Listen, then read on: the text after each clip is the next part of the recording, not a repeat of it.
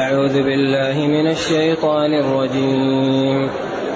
يا بني آدم خذوا زينتكم عند كل مسجد وكلوا واشربوا ولا تسرفوا. إنه لا يحب المسرفين. قل من حرم زينة الله التي أخرج لعباده والطيبات من الرزق؟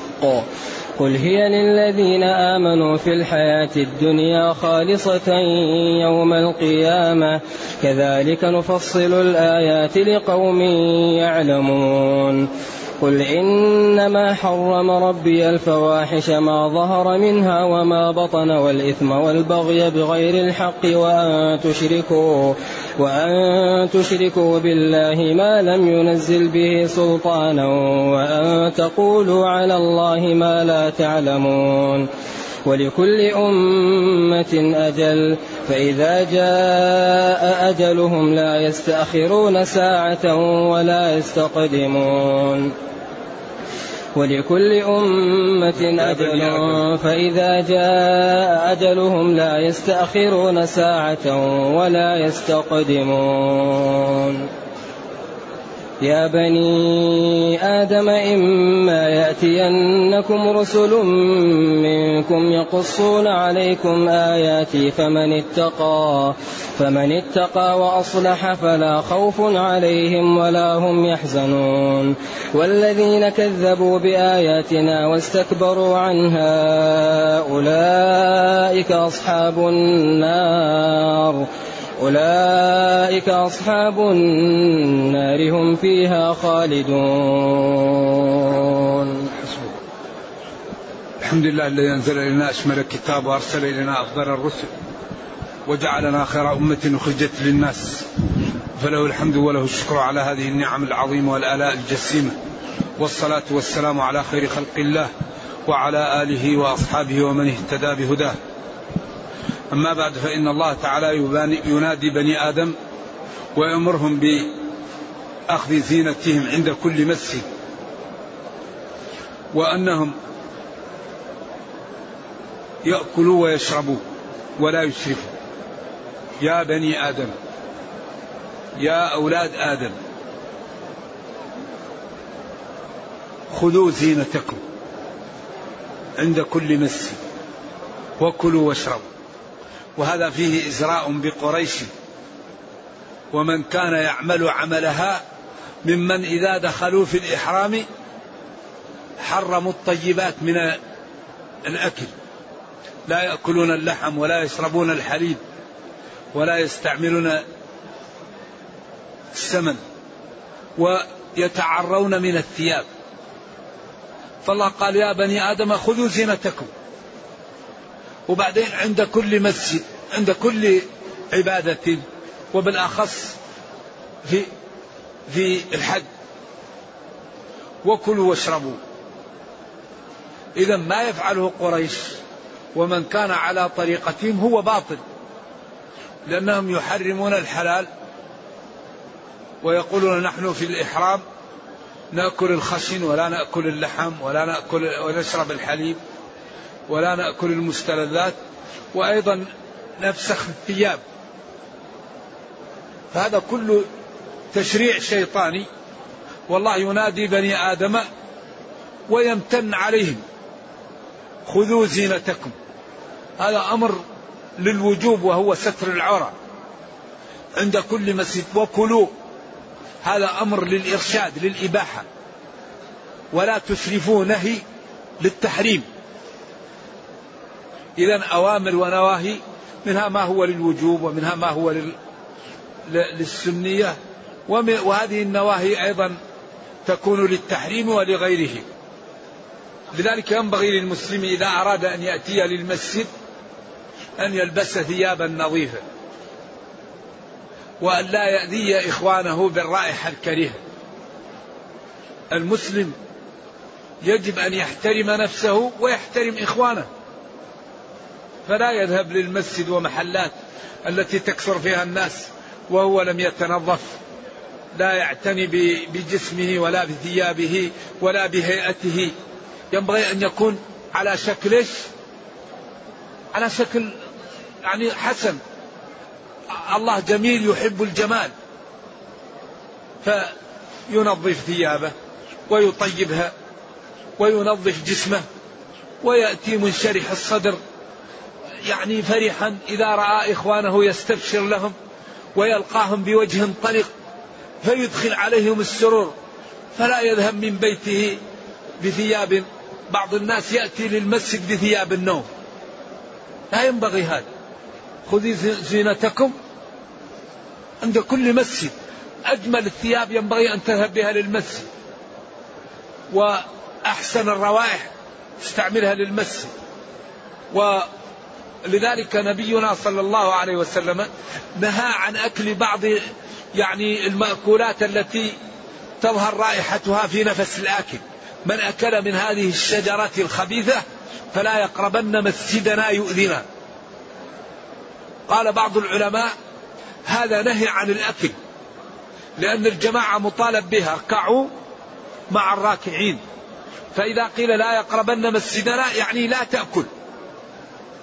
ومنهم من قال لا إن أكلها تسقط عنه الجماعة. الذي يأكل من الثوم أو من البصل الغير مطبوخ ويكون تتأذى منه آه، يعني الصفوف هذا يصلي في بيته. من أكل من هذه الشجرة الخبيثة فلا يقربن مسجدنا. إذا ينبغي لأولاد آدم أن يأخذوا زينتهم عند كل مسجد الثياب والثياب البيض مرغب فيها. النظيفة. والإنسان يتطيب. ويأتي للصلاة بسكينة ووقار. ويقف في حيث انتهت الصفوف. لا يأتي المسلم آخر شيء وروح يدعس الناس حتى يذهب إلى الصفوف. الذي يريد الصفوف الأولى يبدر الذي يريد الأجر يأتي بدري. أما واحد يتأخر حتى يؤذن الأذان ويروح يدعس هذا ما ينبغي. والذي يروح يحط سجادة في محل أو يحط ما و و الذي أخذت الصف الأول السجادة ما هو هو. هذا غصب. ذلك الذي يريد محل يجلس هو بنفسه فيه. فإذا راح للوضوء ويرجع هو أحق به إذا خرج من مكانه للوضوء ولا يريد إلا الوضوء يرجع هو أحق بمكانه. أما يروح ينام في بيته ويروح لمشاويره ويحجز المحل بسجادة ما ما حصل الصف الأول. الصف الأول حصله من جاء أول ووجد المحل محجوز بالسجادة هذا اللي يأخذ الصف الأول. إذا ينبغي أن نتعود على الإنصاف وعلى العدل. نأخذ زينتنا عند كل مسجد ونأتي للمسجد بوقار وبسكينة. والواحد إذا أراد أخوه أن يصلي جنبه يلين في جنبه. تجده يعني يحاول أن يأخذ ما يشيل أربعة. هذا لا ينبغي. والله لا يؤمن أحدكم حتى يحب لأخيه. ما يحب لنفسه. أتريد أن يكون جنب الشخص مكان ولا يعطيك إياه؟ ولذلك أيضا لا ينبغي لواحد يأتي لمحل ضيق ويحاول أن يغصب الناس ويأذيهم حتى يشوش عليهم. فهذا لا ينبغي وهذا لا ينبغي. فينبغي أن نكون أعمالنا تتسم بالعدالة وبالموضوعية وعدم الإفراط والتفريط. هذا الدين دين الإسلام دين عجيب. إذا يقول خذوا زينتكم عند كل مسجد. الثياب النظيفة التطيب السكينة الوقار اللطف. وكلوا مما أحل الله لكم. واشربوا ولا تسرفوا. شوف الإسراف هذا مشكلة.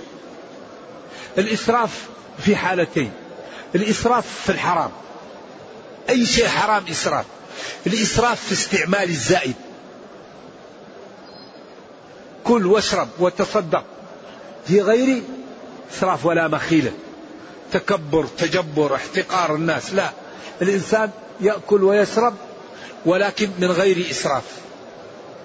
يكون أسرته معقولة ما يكون كل يوم يعمل ذبيحة. وأسرته خمسة أنفار أربعة أنفار. لكن إذا كانت الأسرة مئة نفر أو مئتي نفر لو كل يوم يذبح ما هو إسراف. الإسراف أن الإنسان يعمل أكل زايد ولا يأكله ويرميه يضيعه. الإسراف أن يستعمل المسلم الحرام. فالإسراف هو ما كان الإنسان يعمله زائد على حاجته. هذا إسراف. أما الذي يوسع على أهله وعلى ضيوفه ويكرم الناس هذا ليس إسرافا. وكل شيء تعمله لله لا يسمى إسراف. أنت عندك مال وبعدين تأخذ مالك وتتصدق به لا يقال هذا إسراف.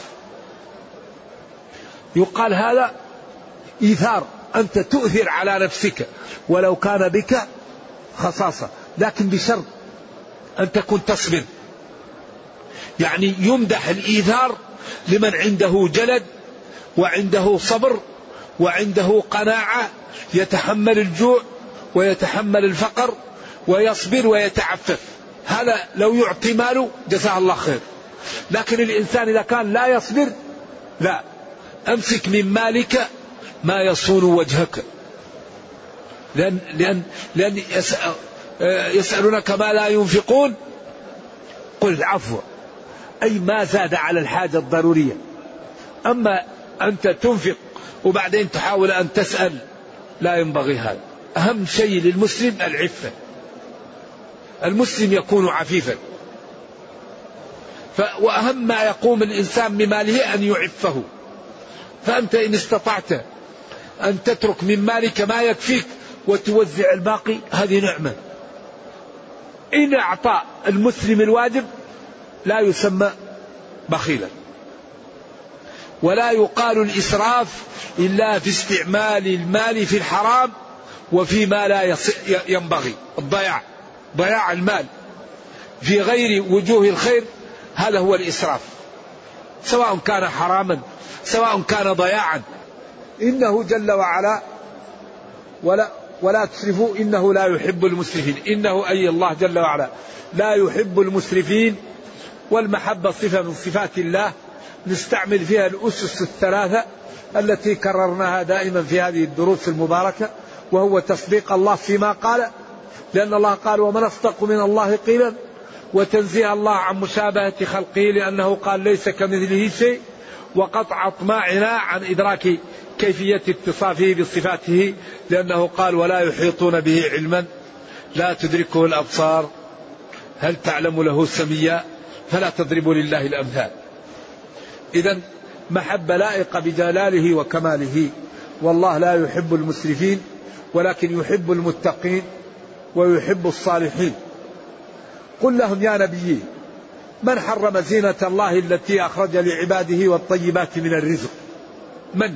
استفهام إنكاري. حرم زينة الله من الثياب ومن الملابس ومن المراكب ومن البيوت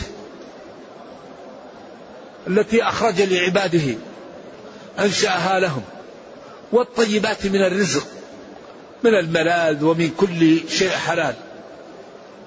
إذا لا يجوز للمسلم أن يحرم الحلال. قل هي للذين آمنوا في الحياة الدنيا. أصالة والكفار تبعا لهم فيها. قل هي للذين آمنوا في الحياة الدنيا أصالة والكفار مشتركون معهم فيها تبعا. إذا هذه الملذات وهذه الطيبات والحلالات أصالتها للمسلمين والكفار أيضا في الدنيا معهم فيها. خالصة يوم القيامة أو خالصة يوم القيامة. كل منهم قراءة سبعية. نافع قرأ خالصة والآخرون قرأوا خالصة. إذا الملذات والحلالات للمسلمين بالأصالة في الدنيا والكفار تبعا لهم فيها تبع لهم فيها.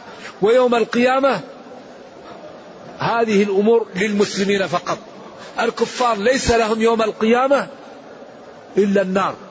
أولئك الذين ليس لهم في الآخرة إلا النار وحبط ما صنعوا فيها وباطل ما كانوا يعملون. إذا لا ينبغي للمسلم أن يحرم الحلال وأن يحرم نفسه من الملذات ومن الطيبات كما أنه لا ينبغي له أن يسرف في ذلك وينبغي له أن يأخذ ما يحتاج له وأن يقدم ما يكون سببا في رفعته وفي فوزه وبالأخص من أعطاه الله جدة وغنى لأنه لا حسد إلا في اثنتين. رجل أعطاه الله مالا فسلطه على هلكته ورجل أعطاه الله علما فهو يقوم به ويعمل به آناء الليل وأطراف النهار. هاتان هذان الصنفان من الناس هم الذين يغبطون. ويتمنى الناس أن يكونوا مثلهم. إذا قل لهم يا نبي من حرم زينة الله؟ من الملاذ ومن الحلال اللباس والشراب ومن المطاعم ومن البيوت ومن المراكب التي أخرج لعباده أوجدها لهم وأخرجها لهم سواء كان من الأرض أو من النبات أو من غير ذلك.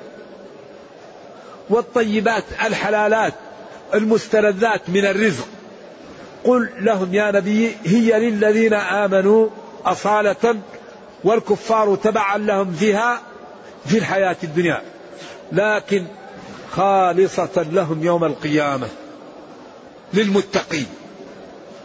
مثل هذا البيان ومثل هذا التفصيل نفصل الآيات لقوم يعلمون. يعلمون أن هذا التشريع لا يكون إلا من الله. يعلمون أن هذا الدين جميل. يعلمون أن هذا آه، الشرع يجب أن أن يمارس وأن يعمل به وأنه جاء لإنقاذ البشرية وإسعادها. نوضح الآيات الدلالات والبراهين لقوم يعلمون. أيوة يعلمون أن هذا التشريع لا يمكن أن يكون إلا من الله لجماله ولحسنه ولعدالته. لذلك هذا الإسلام يدعو لكل فضيلة وينهى عن كل رذيلة ويأمر بالعدل والإحسان والصدق والتغاضي والستر والإصلاح والإيثار والكرم والشجاعة واللطف والتودد كل خير يأمر به هذا الدين. بعدين قال لهم قل لهم يا نبيي إنما حرم ربي الفواحش. أما الحلالات من المراكب ومن الملابس ومن المطاعم حلال. الذي حرم الله. قل لهم إنما حرم ربي الفواحش. ما هي الفواحش؟ الفواحش الغيبة. الفواحش النميمة. الفواحش الاستهزاء بالمسلمين. الفواحش السخرية. الفواحش سب الناس وشتمها الفواحش احتقار الناس. الفواحش الربا. الفواحش الزنا واللواط والفواحش السرقة.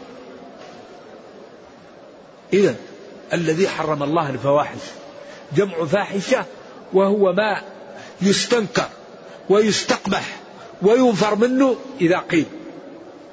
يفحش في السمع يفحش القول به. ما ظهر منها وما بطن. إذا الفواحش يدخل فيها دخول أول الزنا. بأنواعه. والغيبة والنميمة والسخرية والاستهزاء والتنابز بالألقاب والإثم. الإثم هو الذنب. وهذا يعني من عطف خاص على عام. لأن كل فاحشة إثم وليس كل إثم فاحشة. قد يكون إثم أقل من الفاحشة. صغيرة مثلا. والبغي الظلم والتعدي على الآخرين.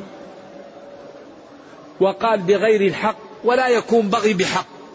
كما قال ولا طائر يطير بجناحيه. ويقولون بأفواههم. هذا إخبار بواقع.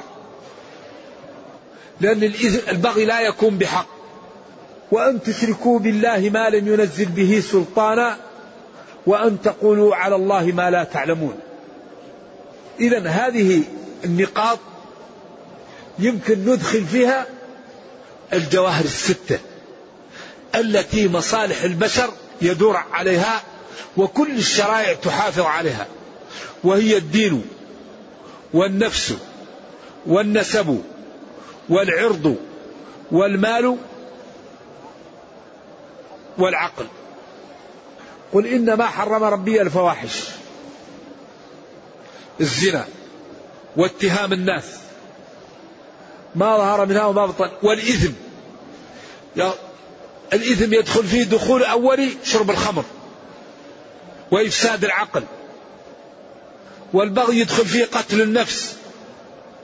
وشتم الأعراض. وأن تشركوا بالله هذا الدين.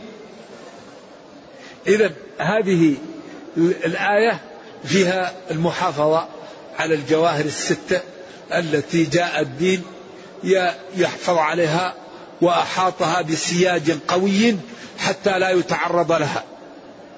إذا الذي حرم الله التعرض لهذه الجواهر الستة. أما الحلال من اللباس ومن المسكن ومن المركب ومن المشرب ومن المطعم. هذا طيب. هذا يستعمله المسلم ويشكر الله فيرتفع. إن الرجل لا يأكل, لا يأكل الأكل ويشرب الشربة فيشكر الله فيرتفع بها. فتكون سبب في غفران ذنوبه. لئن شكرتم لأزيدنكم. ربنا كريم. لذلك لا بد أن نجتهد. لا بد أن نعرف هذا الدين ونعمل به حتى ننجو هذه نعم نعم عندنا. لم يرها من سبقنا. نعم. نعم. نرجو الله أن يجعلنا من الشاكرين. نعم. أمن. أغلب الناس يخافون. غنى. أغلب الناس يجوعون. في محل تضاعف فيه الحسنات. نعم نعم. لذلك لئن شكرتم لأزيدنكم. ولا يهدد هذه النعم إلا الذنوب. أخطر شيء على النعم هي الذنوب. لأن الذنوب هي التي تغير الأحوال. إن الله لا يغير ما بقوم حتى يغيروا ما بأنفسهم. إذا قل لهم يا نبي إنما حرم ربي الفواحش جمع فاحشة ما ظهر منها وما بطن سواء كان الزنا أو اتخاذ الأخدان. والإثم يدخل فيه دخول أولي شرب الخمر والبغي تعدي على أعراض الناس وعلى عقولها وعلى أموالها والشرك بالله وهذا أعظم ذنب. وأن تشركوا بالله ما لم ينزل به سلطانا. والشرك هو المشكلة الكبيرة. لأن الإنسان إذا مات على الشرك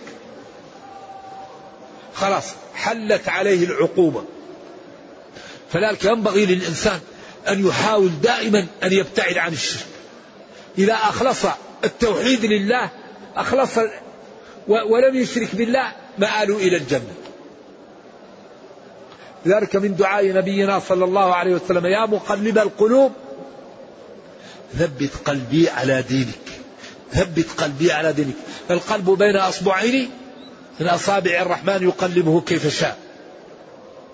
ذلك الخطر أن الإنسان لا يموت على الإيمان. وأن تشركوا بالله ما لم ينزل به سلطانا حجة وبيانا وأن تقولوا على الله ما لا تعلمون من ادعاء الولد والصاحبة والشتم كما قالت اليهود وقالت النصارى وقالت كفار قريش عياذا بالله ولكل أمة أجل. ولكل أمة من الأمم عصت وتجبرت وخرجت عن طاعة ربها وأرسلت لها الرسل وتمردت بالآيات التي جاءتها أجل تهلك فيه. فإذا جاء أجلهم لا يستأخرون ساعة ولا يستقدمون. إذا الأمم التي ترسل لها الرسل وتكذب وتطالب الرسل بالآيات وتأتيها الآيات وتكفر. هذه عندها أجل تضرب فيه وتهلك. ولذلك قال وآتينا ثمود الناقة مبصرة فكفروا بها وما نرسل بالآيات إلا تخويفا. ولذلك لما طلبت قريش الآيات جاءه جبريل وقال له نقلب لهم الأخشبين ذهب لكن إذا لم يؤمنوا نقلب عليهم. قال لا. رحمهم. لكل أمة من الأمم أجل. إذا كفرت ولم تستقم. أو لكل أمة أجل. يموت فيه كل واحد. كل واحد له أجل. شريط. إذا انتهى الشريط يأتي عزرائيل ويأخذ روحه. يمكن نايم يمكن ماشي يمكن يقرأ يمكن يصلي. لا يستأخرون ساعة ولا يستقدمون. وهذه الآجال والأسباب الأسباب أسباب لكن الأجل واحد. تنوعت الأسباب والموت واحد. يقول حبائله مبذوذة في سبيله ويفنى إذا ما أخطأته الحبائل. خلاص إذا انتهى الأجل يموت. في طرق إذا كان أجله قريب يموت. فيه إذا لم يأتي الأجل هو يموت ولو على فراشه. ولذلك قال حميد بن ثور الهلالي في بميته. وحسبك داء أن تصح وتسلم. أرى بصري قد رابني بعد حدة. وحسبك داء أن تصح وتسلم. يكفيك من المرض الصحة والسلامة لأنهما يوصلانك إلى مرحلة الهرم. ومرحلة الهرم لا صحة بعدها. كما قال ثم جعل من بعد قوة ضعفا وشيبة خلاص. هميمية اللي يقول فيها ألا هي ما مما لقيت وهي ما؟ وويحا لمن ألقى منهن ويح ما حتى يقول أرى بصري قد رابني بعد حدة أي قوة. كان ست على ست. أرابني ضعف. وحسبك داء يكفيك من الداء الصحة والسلامة لأنهما يوصلانك إلى مرحلة الهرم ومرحلة الهرم داء لا دواء بعده. ثم جعل من بعد قوة ضعفا وشيبا. إذا لكل أمة أجل. إذا وصلته لا تتعدى. فإذا جاء أجلهم لا يستأخرون. ساعة لحظة ولا يستقدمون. إن أجل الله إذا جاء لا يؤخر لو كنتم تعلمون. إذا ما دام الرزق مكتوب والعمر مكتوب وكل ما يزلزل الناس هو الرزق والعمر. كل مشاكلنا بسبب المال وبسبب الأنفس الأعمار. والمال لا يزيد ولا ينقص والعمر لا يزيد ولا ينقص. فلم لا نشتغل لديننا ولأمتنا ونتحرك لأن نرتفع ونرفع؟ نكون سببا في رفعة هذا الدين ونكون سببا في أن نرتفع بهذا الدين. لماذا؟ مطمئنات. الإنسان لا يموت قبل وقته ولا يموت حتى يكتسب رزقه وأجله. لن تموت نفس حتى تستوفي تستكمل رزقها وأجلها. فاتقوا الله وأجملوا في الطلب. إذا هذه الحقيقة مطمئنات تجعل المسلم ينشط للعمل لدينه ولأمته ليترك له بصمات قبل أن يموت. يؤلف كتاب يعمل وقف يشتغل في ناس يهديهم للدين تكون أعمالهم في صحيفته. يقدم يتحرك. ثم قال يا بني آدم إما يأتينكم رسل منكم يقصون عليكم آياتي. يا بني آدم إن إما إن شرطية ما فائدة. يأتينكم يعني ينزلون عليكم ويأتوكم رسل فضلاء. منكم من جنسكم يقصون يتلون عليكم آياتي حججي وبراهيني فمن اتقى وأصلح فلا خوف عليهم ولا هم يحزنون. والذين كذبوا بآياتنا واستكبروا عنها أولئك أصحاب النار هم فيها خالدون. إذا يا بني آدم إن أرسلت لكم الرسل وجاءتكم فمن اتبعها وسلك الطريق التي جاءت به نجا وفاز. ومن انحرف هلك وأوبق نفسه. وكل القرآن قائم على هذا من أوله إلى آخره. فريق في الجنة وفريق في السعير. يوم تبيض وجوه وتسود وجوه. للذين أحسنوا الحسنى وزيادة. إلى أن قال جل وعلا والذين كسبوا السيئات جزاء سيئة بمثلها وترهقهم لله ما لهم من الله من عاصم كأنما أغشيت وجوههم قطعا من الليل. وقال مثل الفريقين كالأعمى والأصم والبصير والسميع هل يستويان مثلا؟ وقال وهديناه النجدين. إذا لا عذر لنا بعد هذا البيان الواضح الذي بين لنا أن هذه طريق الخير الرسل. إن يأتيكم رسل منكم يقصون يتلون عليكم آياتي فمن اتقى وأصلح. اتقى جعل بينه وبين عذاب الله وقاية بالطاعة. والتقى حقيقته أن تكون تمشي من غير أن يكون عندك حذيان في محل في مسامير وفيه أشواك. ما الذي تفعل؟ هذا هو التقى. لما سئل عمر عن التقى قال للسائل أمشيت في أرض مشوكة؟ قال نعم. قال له ما لا تفعل؟ قال لا أضع قدمي إلا حيث يقع بصري. قال ذلك التقى. التقى أنك لا تعمل عمل إلا تعرف حكمه. الحلال بين والحرام بين. والأمور المشتبهات تبتعد عنها. هذا التقى. الحلال الواضح تعمله الحرام تجتنبه المشتبهات. تجعل بينك وبينها إيش؟ تجعل بينك وبينها حدود. تلك حدود الله. المعالم التي جعل الله بين الحلال والحرام. فلا تتعدى الحدود. تترك شيء من الحلال حتى لا تقع في الحرام. وأصلح. الإصلاح هذا دائما مع التقى. والعصر إن الإنسان لفي خسر إلا الذين آمنوا وعملوا الصالحات. اتقى وأصلح. لأن البرهان على التقى البرهان على الإيمان هو العمل. لأن الإيمان والتقى في القلب لكن العمل هو برهان ما في القلب. لذلك إذا اتقى العبد ربه نشط في الطاعات. قل ابتعد عن المعاصي. أما إذا كان الإنسان لا يعمل العلم محض الجهل إن لم ينفعي فائدة العلم هو العمل. فائدة العلم أنه يثمر للإنسان الخشية. الخشية تبعده عن المعاصي وتجعله ينشط على الطاعات.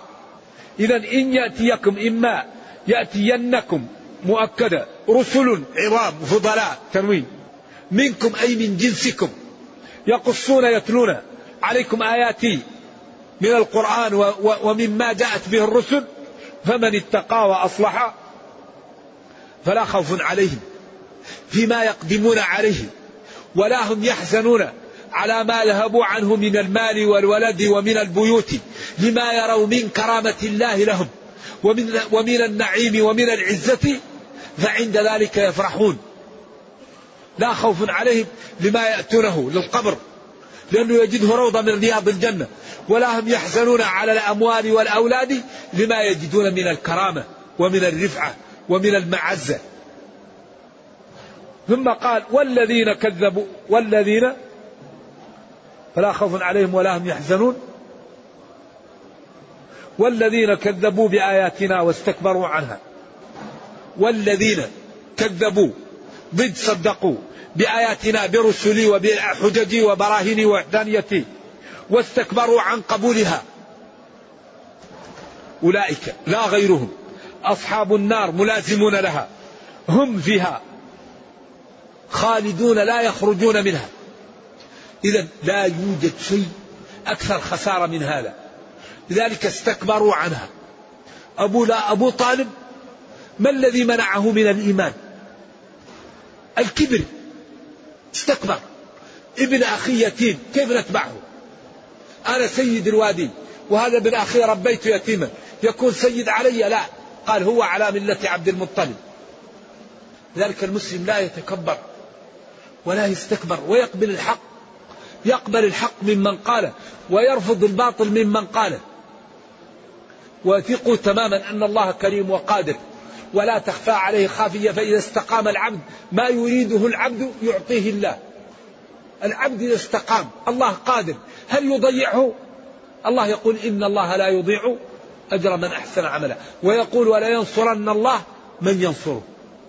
فلنجتهد ولنكابد الاستقامة وما نريده يعطينا إياه ربنا. لأنه قادر وكريم ولا تخفى عليه خافية. وقد بين لنا غاية البيان فلا عذر لنا. فالنجاة النجاة تمسك بهذا الكتاب والعمل به وجعل دستورا فإننا إن فعلنا ذلك جعلنا الله في الدنيا أعزاء أقوياء ورحمنا في الأخرى. والله تعالى يقول أوفوا بعهدي أوفي بعهدكم. والله لا يخلف الميعاد. إن الله لا يخلف الميعاد. فحري بكل واحد منا أن يقوم بما يستطيع. ولا يكلف الله نفسا إلا كل واحد منا يقوم بما يستطيع. وما لا يستطيع يسامح فيه. فإذا كان كل واحد منا يقوم بما يستطيع ارتفعت الأمة وقويت وإذا كان كل واحد منا يجعل اللوم على الآخرين تقوضت الأمة وضعفت. وثقوا تماما أن الذي يتقي ربه الله يحميه الله ينصره الله يعزه الله يوفقه الله يبارك له في ماله وولده وعمره. وإذا عاداه شخص دمره ربه من عادى لي وليا قد آذنته بالحق. ولكن هذا التقى وهذا العمل لا بد فيه من مكابدة.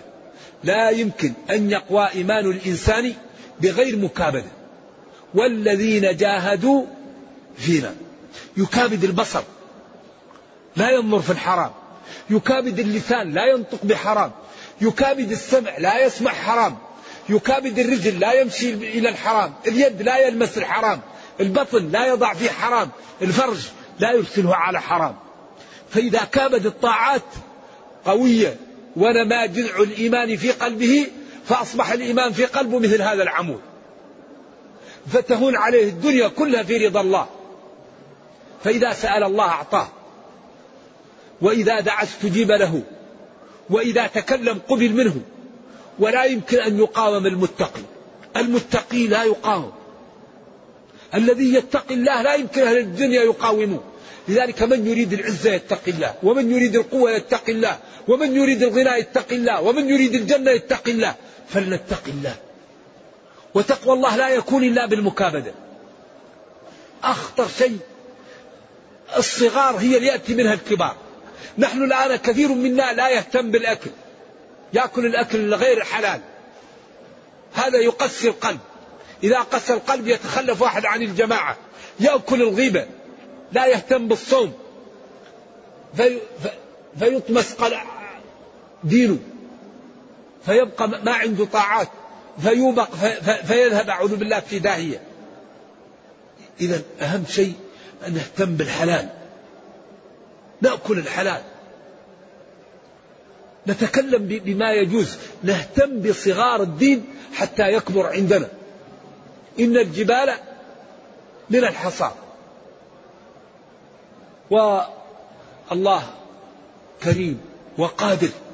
والحسنة بعشر أمثالها.